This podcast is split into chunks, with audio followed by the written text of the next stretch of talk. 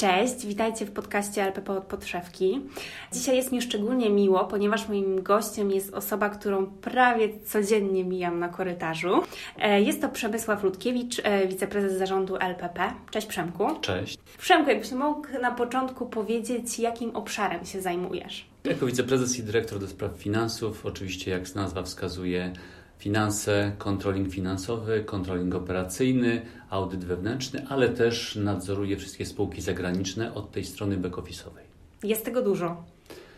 Jest tego dużo i taki wszechstronny obszar, także tak, nie nudzę się w pracy. Domyślam się. Jak to się zaczęło, jeżeli chodzi o Twoje zainteresowania związane właśnie z tym obszarem, no powiedzmy tak ogólnie finansowym? Mhm. Czy to podczas decyzji o pójściu na studia, czy jak to się Wiesz potoczyło? Co? Tak, ja zaczynałem studia w 89 roku, czyli tak naprawdę zdałem na studia, a potem były porozumienia sierpniowe, okrągły stół i runęła komuna w Polsce. I ja poszedłem na studia do Wyższej Szkoły Morskiej, bo szczerze mówiąc chciałem wyjechać z Polski. Komunizm mnie nie zachęcał tutaj jako system do zostania w tym kraju. I właśnie zacząłem studia i na drugim roku studiów okazało się, że są takie przedmioty jak finanse, jak, jak ekonomia, jak zarządzanie i to mi się bardzo spodobało. I Rzeczywiście kontynuowałem, skończyłem Wyższą Szkołę Morską, nie zostałem marynarzem, mm, ale jednocześnie poszedłem e, na drugi fakultet, na Uniwersytet Gdański, gdzie kończyłem zarządzanie. I tam było właśnie więcej przedmiotów ekonomicznych, które wciągnęły mnie po prostu. Rzeczywiście to poczułem, że to jest to, co chciałbym w życiu robić, a że finanse są bardzo uniwersalne i wszyscy lubią pieniądze, no to jest to też zawód, który mogę wykonywać w wielu firmach. Mhm. A został e, u Ciebie jakiś taki pociąg do e, morza i podróży po tych studiach pierwszych? E, wcześniej nie, ale teraz im robi się bardziej powiedzmy starszy, to tak, jest coś takiego jak, jak sentyment. No, miałem okazję pływać na darze młodzieży. To były fajne momenty takiej no, przygody właśnie na morzu, dość trudnej, surowej, ale też właśnie taka męska przygoda w tym mm. wydaniu który często czyta się w książkach. Ale wydaje mi się, że też e, praca wiceprezesa to też jest troszeczkę przygoda, szczególnie w ostatnim czasie, kiedy dużo rzeczy się zmieniło i też pewnie żaden dzień nie jest taki sam u Ciebie. To prawda, wiesz co, mamy ciągle coś się dzieje, tak? W tej firmie mm, e, dużo się zmienia, my ciągle rośniemy, wchodzą nowe rynki, mamy nowe produkty, mamy e-commerce rosnący, także jak, jak wspomnę sobie, przyszedłem do firmy w 2008, tak naprawdę wtedy zaczynał się ten pierwszy kryzys finansowy roku 2009-2010. E, wtedy firma była 8 razy mniejsza niż dzisiaj. No i przez e, ten czas, przez te już 12 lat, no zmieniło się tyle rzeczy, że praktycznie mogę powiedzieć, ok, pracuję w LPP tyle czasu, ale to LPP jest z roku na rok coraz inne, tak jakbym w ogóle przechodził przez różne, różne firmy. Tak? Także rzeczywiście e, dzięki temu, że się mocno, szybko rozwijamy, dzięki temu, że jest tyle wyzwań, nie tylko wewnętrznych, ale tak jak mówisz ostatnio, cały rok covidowy, dużo zewnętrznych wyzwań, no powoduje to, że nie popadamy w rutynę tutaj w tej firmie i ciągle jest coś ciekawego, ciągle się sami uczymy i rozwijamy. Mhm. A jak przyszedłeś tutaj do firmy, to od początku zajmowałeś się finansami, czy jakoś Twoja ścieżka trochę inaczej? Od początku, od, od początku, początku finansami, tak. Ja pracowałem w innej firmie jako też dyrektor finansowy, członek zarządu, później znaczy, zaczynałem w ogóle pracę w Warszawie, tak? Także ja troszkę skakałem między Warszawą i Trójmiastem. Oczywiście w Trójmieście żyje się 100 razy lepiej niż w Warszawie. Zgadzam się. Także na końcu chciałem tutaj osiąść. Zresztą, tak jak mówiłem, kończyłem tutaj studia, więc miałem duży sentyment. Więc y, tak, moja kariera od początku była związana z finansami. Zresztą jak wiesz, kończy się finanse, to gdzie się chce pracować? Co się kojarzy z finansami? Bank. Także ja pracowałem na początku w banku, później rzeczywiście w firmie usług finansowych, karty kredytowe, też y, właśnie mocno finansowe usługi, a później już tak właśnie w LPP, ale generalnie zawsze chciałem pracować w Trójmieście. Także od początku w finansach. Mhm. Finanse finansami, no, jest jeszcze e, kwestia Twojego stanowiska i zarządzania. Nie sądzę, żeby, mm, czy może zdarzają się takie przypadki, że ktoś jako nastolatek myśli sobie, chce być wiceprezesem, ale jakby zakładałeś, że, że tak to się potoczy, że będziesz na takim stanowisku? Nie, zupełnie nie. Nie, nie, nie, nie planowałem jako nastolatek, że chcę być wiceprezesem. Zresztą myślę, że nie, nastolatkowie nie mają takich marzeń, zresztą nie wiedzą pewnie, co to jest. E, po prostu interesowały mnie, tak jak powiedziałem na tych studiach, finanse, więc chciałem to pogłębiać. Na pewno interesowała mnie giełda. Kiedy byłem na studiach, powstała polska giełda, pierwsze spółki były wtedy notowane. Ten świat właśnie finansów w Polsce się dopiero rozwijał. To wszystko raczkowało, to wszystko szło w stronę rzeczywiście modeli zachodnich. No to było fascynujące, interesujące. Dużo, dużo właśnie wtedy można było się nauczyć. Czytało się książki anglojęzyczne, bo polskich jeszcze książek na temat ekonomii nie było. Mhm. Także ten świat taki anglo, anglosaski i kapitalizm w wydaniu anglosaskim no, dla młodych ludzi były takie interesujące. Ale to nie było mm, rzeczywiście myślenie o jakichś stanowiskach. To bardziej o, to, o tym u mnie było, że chciałem pracować w tej sferze finansów. Tak? Czyli rzeczywiście zarządzać finansami w firmie, chętnie w spółce giełdowej, nie ukrywam, że tak Stąd zresztą myślałem później o LPP, żeby tutaj pracować, co mi się udało, ale generalnie no, człowiek się rozwija, firmy się zmieniają. Jak się ma jeszcze może jakieś takie uporządkowane, dobre podejście, to można awansować. Mi się udało. Mhm. E, no właśnie, tak jak wcześniej wspomniałeś, ciężko jest e, tak w skrócie powiedzieć, czy zajmuje się wiceprezes. Stereotypowo myślimy o podejmowaniu decyzji, tak, podpisywaniu dokumentów. Mógłbyś trochę więcej o tym opowiedzieć? Jak to wygląda u Ciebie? Pewnie. Patrząc na świat finansów, który tak naprawdę, no cóż, rządzi tym światem. Finanse są bardzo ważne. Często słyszymy w radiu, w telewizji, tak, o budżecie państwa, o podatkach, o zwiększaniu wydatków na to czy tamto. Fajne jest zresztą y, w książce swojej Harari. Pan Harari od, w książce Od zwierząt do bogów opisał właśnie to, że nawet w czasach starożytnych, mimo tego, że były wojny religijne, mimo mm -hmm. tego, że było dużo konfliktów, jakoś nikomu nie przeszkadzało, na przykład chrześcijanom nie przeszkadzało y, przyjmowanie pieniędzy, złotych monet y, od muzułmanów i z kolei muzułmanie przyjmowali też chętnie tak. Złote monety ze znakiem krzyża. Także ten Tutaj pieniądz, granice się zacierały. Tak, pieniądz, pieniądz rządził, do tej pory jest bardzo ważnym elementem naszej kultury. Tak więc czym się zajmujemy? No przede wszystkim rzeczywiście raportowaniem finansowym, ostatnio też niefinansowym, więc patrzymy na to, jakie mamy wyniki finansowe, E, musimy to zaraportować na giełdę, musimy to zaraportować do Narodowego Banku Polskiego, musimy zaraportować też do urzędów podatkowych. I to jest ta powiedzmy rzecz taka no bardzo przyziemna, trudna i, i wymagająca dużo pracy operacyjnej, ale potem zaczyna się ta rzecz ciekawsza, czyli bazując na danych historycznych, tworzymy różnego rodzaju plany, budżety, prognozy, tak? I tutaj rzeczywiście można się wykazać. No, nazwę tak, średnio zdolny kombinator potrafi sobie na podstawie tych liczb e, układać różnego rodzaju scenariusze na przyszłość.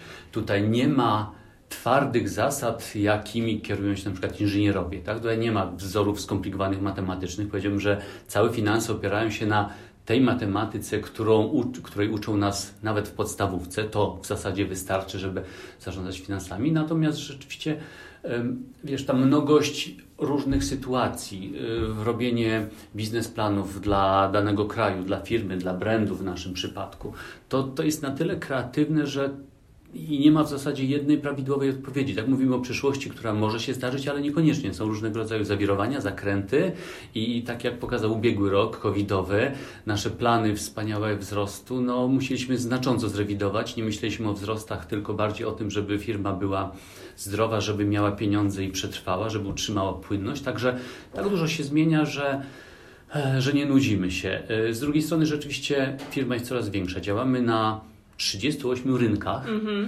więc zarządzanie no, taką multi kulti z organizacją jest bardzo wymagające. Tutaj w centrali my musimy narzucać pewne standardy, rozwiązania, więc współpraca z wieloma krajami, oglądanie tego, jak te rynki się zmieniają, jakie są wymagania, no to też wymaga wiele czasu, badań i właśnie to nigdy nie jest sztampowe. Zawsze jest coś takiego, co wymknie się spod kontroli, zawsze jest coś, co, e, czego nie zaplanowaliśmy, więc dużo decyzji takich też na bieżąco. No ale fajne jest to też długofalowe planowanie. Chociaż ta długofalowość w ostatnich czasach się znacząco skróciła. Jeszcze 10 lat temu mogliśmy mówić o planach, wiesz, na 5-10 mm -hmm. lat. Dzisiaj myślę, że najwyżej na dwa, góra 3 lata w przód widzimy to, co się dzieje, taka jest zmienność na rynkach. No więc chyba ten brak rutyny i te duże zmiany są bardzo ważne w tej naszej pracy. No i podejmowanie decyzji, które są de facto no, bardzo odpowiedzialne, bo od nas zależy przecież, mówię od nas jako tutaj od obszaru finansów, czy będziemy mieli pieniądze na wypłaty, czy firma będzie miała zyski, czy przetrwamy w długim okresie, czy będą pieniądze na dalszy rozwój. No to jest dużo odpowiedzialnych zadań. Zdecydowanie. Właśnie a propos tej odpowiedzialności, na pewno w jakiś sposób to wywołuje stres. I czy ty nauczyłeś się z tym radzić? Masz pasje, które pomagają ci odciąć się może od pracy, jak wracasz do siebie? Tak, ja lubię ciszę, spokój, czyli jak e, no teraz mamy taką pogodę za oknem dość słabą, mocno zimową, ale rzeczywiście kiedy jest wiosna, lato czy jesień, lubię wyjechać do lasu na grzyby, czy w ogóle pospacerować, albo nad jezioro mhm. powędkować. No lubię też biegać, to taki nudny sport, biegniesz, biegniesz, niewiele ja się dzieje. Tak. E, mijasz tylko kolejne ulice, czy kolejne jakieś zakątki i także tak, jakiś taki sport, który potrafi mnie odstresować. Lubię sporty wodne, takie jak windsurfing, ostatnio też SUP, czyli stand-up paddling, a więc bardzo bym deska i wiosło polecam, to jest bardzo fajne, bo nie zależy czy jest wiatr, czy nie, można mm. sobie popływać w różnych fajnych miejscach, czy to rzeka, czy to jezioro, czy to morze, więc tak, takie jakieś sporty no w miarę rekreacyjne. No, powiem też, że próbowałem golfa. Golf też ma coś w sobie ciekawego. Na pierwszy rzut oka to jest nuda, chodzisz Trochę z tym tak. Klikiem po, tym, po, tych zielonych polach, ale właśnie to chodzenie po zielonych polach powoduje, że jest odprężający, więc to też jest ciekawe. Mhm. No to super, trzeba mieć coś takiego swojego. Tym bardziej, że wydaje mi się, że każdy Twój dzień jest inny, dużo się dzieje. E, pracujesz 8 godzin, czy zdarzy Ci się trochę dłużej? Oczywiście, że trochę dłużej. Oczywiście, że trochę dłużej. Często pracuję też w domu, tam jest większy spokój. Tak? Tutaj na bieżąco mamy dużo spraw, dużo osób przychodzi, coś się dzieje, są telefony, trzeba odpowiadać. Także jeśli chodzi o jakieś takie właśnie skupienie się, zrobienie, popracowanie nad jakąś koncepcją, obmyślenie planów, to raczej właśnie wtedy spokojnie w domu, kiedy telefony nie dzwonią. A jak wygląda współpraca pomiędzy e, Wami wiceprezesami, tak? Czy Wy mm, na bieżąco ze sobą rozmawiacie, konsultujecie różne rzeczy? Oczywiście mamy cotygodniowe spotkania zarządu, gdzie no, opowiadamy sobie o, o, tym wszystkim, co dzieje się na bieżąco. E, ja często pokazuję nasze wyniki finansowe, co się dzieje od strony właśnie realizacji planów, e, rentowność poszczególnych biznesów. No, każdy z nas opowiada, co się wydarzyło. Tak? Jacek od strony logistyki, mhm. jakie, jakie postępy tam się dzieją. E, z kolei Sławek od strony właśnie chociażby najmu czy, czy wynajmu powierzchni handlowych, no i Marek odpowiedzialny za całość firmy, mówi nam, co się dzieje w poszczególnych e, brandach, jak idą nam, nam biznesy. Jeśli potrzeba, to oczywiście spotykamy się częściej tak ad hocowo, czy, czy nawet czasem jemy wspólne lunche, żeby też omówić na bieżąco wszystkie palące problemy. Rzeczywiście można Was spotkać na dole w kantynie, widziałam wiele razy, więc e, tak, tak, tak to działa. A w czasie, kiedy rozpoczęła się pandemia, no to pewnie musieliście trochę częściej się widywać, tych decyzji do podjęcia było więcej. Oj tak, e, to był taki trudny okres, gdzie hmm, no, wszystko to, co w zasadzie mieliśmy wypracowane, jakieś takie rutynowe spotkania czy rutynowe podejmowanie decyzji, to wszystko zniknęło, runęło, tak? Nagle z dnia na dzień mamy ogłoszenie lockdownu w Polsce, lockdown w kolejnych krajach i nie wiemy, co to oznacza. Ostatnia taka sytuacja miała miejsce chyba 100 lat temu, tak? Taka pandemia. Ja niewiele z tamtych czasów pamiętam. I trzeba było wszystko odkrywać na nowo. E, to było rzeczywiście trudne, bo OK, ogłaszają nam lockdown i teraz tak, nasze sklepy są zamknięte, czyli nie możemy sprzedawać towarów. Mhm. Towary już płyną do magazynów, leżą w sklepach. Co, co teraz mamy z tym zrobić? Czy co z kolejnymi zamówieniami? E, pytanie, jak długo będzie ten, trwał ten lockdown? Miesiąc, dwa, może pół roku, a może rok? Czy nie wiemy, co z tą pandemią? Na ile jest to rzeczywiście śmiertelna choroba? Na ile jest to niebezpieczne dla pracowników, dla, dla klientów? No więc dużo, dużo nie, niewiadomych, tak? No i rzeczywiście takie na bieżąco podejmowanie decyzji. Wtedy spotykaliśmy się praktycznie codziennie, żeby reagować na bieżąco. Myślę, że ten egzamin zdaliśmy bardzo dobrze. Było wiele trudnych decyzji, między innymi związanych właśnie czy z obniżaniem, obniżaniem pensji dla pracowników, czy związane z, z cięciem zamówień, przesuwaniem zamówień. Na pewno to były trudne y, chwile dla dostawców. Ja rozmawiałem z bankami na temat finansowania dodatkowych środków, tak żeby utrzymać płynność, żebyśmy mogli mieć te pieniądze na regulowanie naszych rachunków i wynagrodzeń.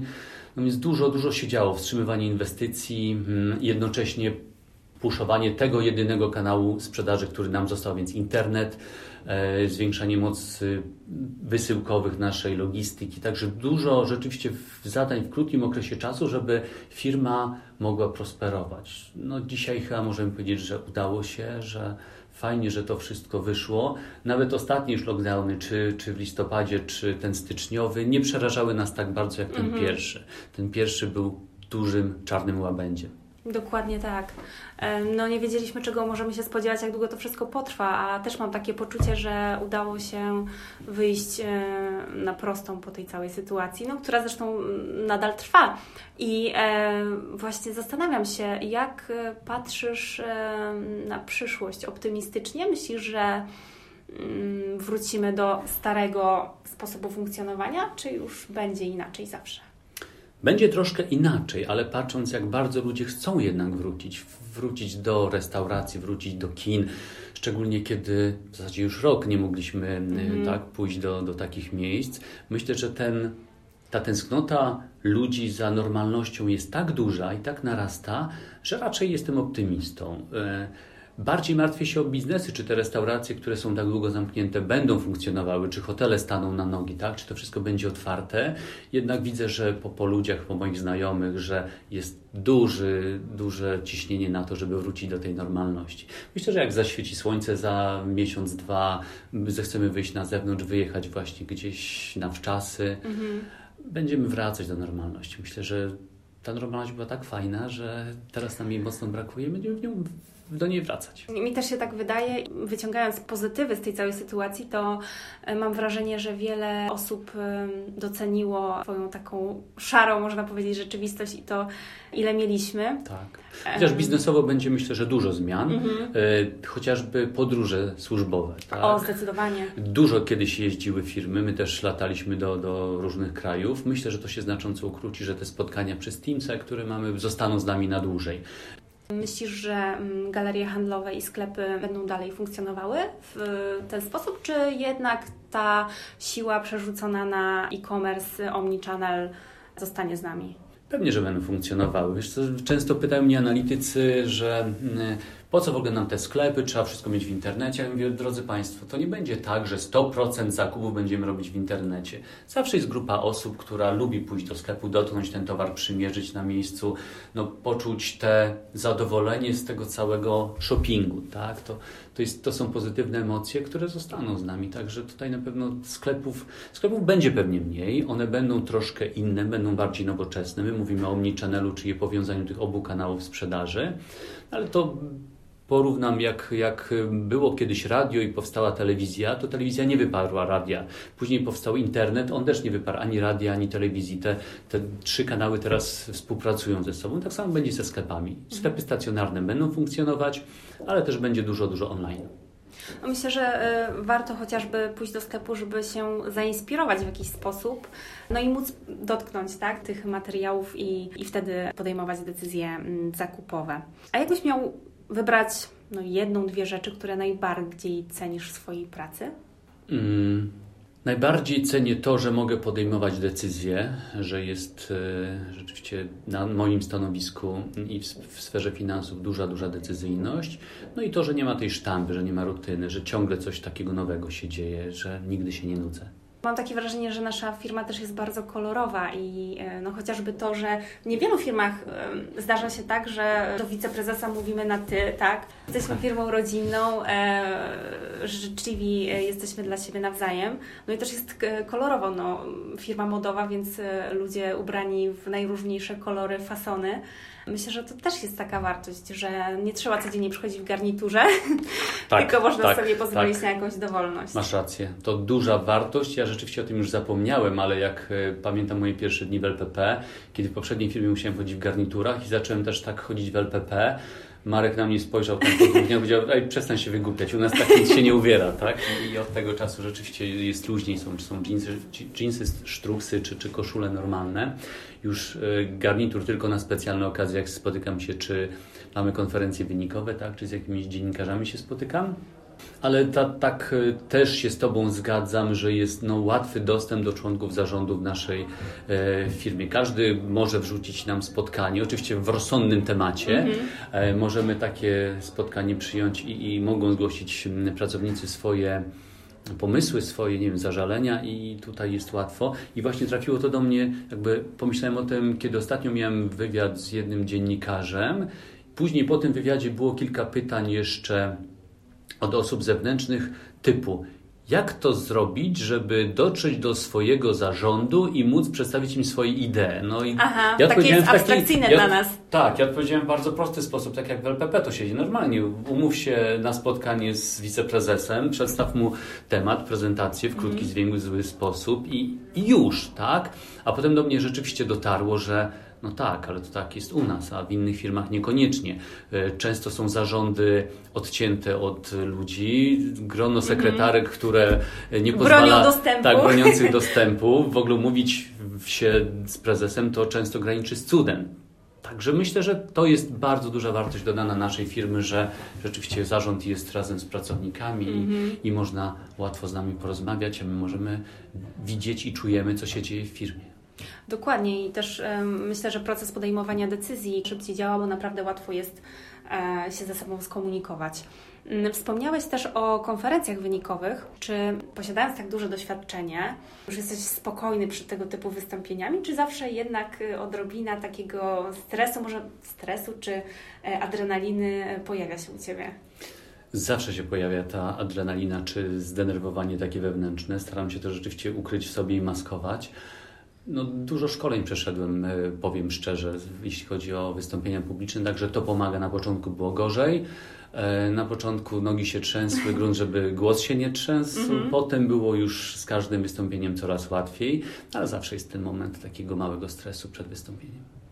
Ale mi przynajmniej wydaje się, że to jest też takie trochę motywujące, w jakiś sposób napędzające Bardzo do motywujące. Działania? Tak, myślę, że takie podejście na zbyt dużym luzie do jakiegoś spotkania spowoduje, że no wyjdzie słabo mhm. albo wręcz tragicznie, więc nie, zawsze trzeba mieć tą pokorę przed takim spotkaniem i się przygotować i rzeczywiście mieć się na baczności. Mhm. Zawsze staram się zadawać to pytanie moim gościom. Jeżeli miałbyś udzielić rady osobie, która mm, chciałaby mm, rozwijać swoją karierę w obszarze finansów, właśnie audytów, kontrolingu, mhm. to co byś powiedział? Na pewno bym powiedział, że trzeba być cierpliwym i trzeba odpracować swój czas. Powiedziałbym też, że trzeba trochę wychodzić poza schemat, wychodzić ponad, ponad przeciętność, w takim sensie, że trzeba proponować rozwiązania, być kreatywnym, mm -hmm. nie zrażać się, jeśli na początku coś nie wychodzi, trzeba być e, pukać do, do wielu drzwi, ale rzeczywiście robić trochę więcej niż to, co się od e, ciebie wymaga. Tak? Być właśnie, przyjmować inicjatywę, e, no być pozytywnie nastawionym chyba i jednak trochę optymistycznie do, do tego trudnego, coraz bardziej skomplikowanego świata. Na koniec jeszcze zapytam Cię o jedną rzecz i też powiem Ci komplement, e, bo jak przygotowywałam się do tego naszego spotkania i rozmawiałam z moimi współpracownikami, to pojawiła nam się taka myśl, że mm, stereotyp głosi, że osoby na tak wysokich stanowiskach no, są wyniosłe, właśnie może nie do końca tak otwarte. Natomiast Ty e, wśród pracowników LPP uchodzisz za osobę bardzo życzliwą, otwartą, jak udało Ci się zachować takie podejście do życia mimo tak e, wysokiego stanowiska i powiedzmy takiej rangi, tak? No bardzo mi miło, dziękuję za ten komplement. Wiesz co, no staram się być sobą i nie traktuję tego wszystkiego tak do końca poważnie. E, patrząc na losy wielu ludzi, czasem jesteś na górce, czasem w dołku, życie różnie się układa i i powiem, że nawet dziwię się często osobom, które są na wysokich stanowiskach i ich ego jest tak wielkie, Aha. że często wchodzi do pomieszczenia przed nimi, tak. prawda? E, no myślę, że, że fajnie się udało nam złożyć w LPP taki zespół, że wszyscy tutaj są takimi normalnymi ludźmi, tak? Nikt nie zadziera nosa, mhm. każdy ma swoje rzeczy do zrobienia.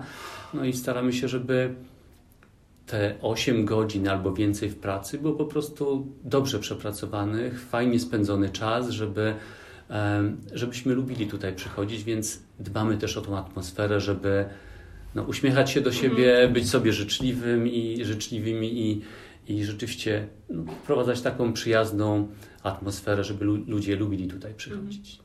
No dobrze, to tym pozytywnym akcentem kończymy naszą rozmowę. Bardzo Ci dziękuję za Bardzo dziękuję. poświęcony czas. Dzięki.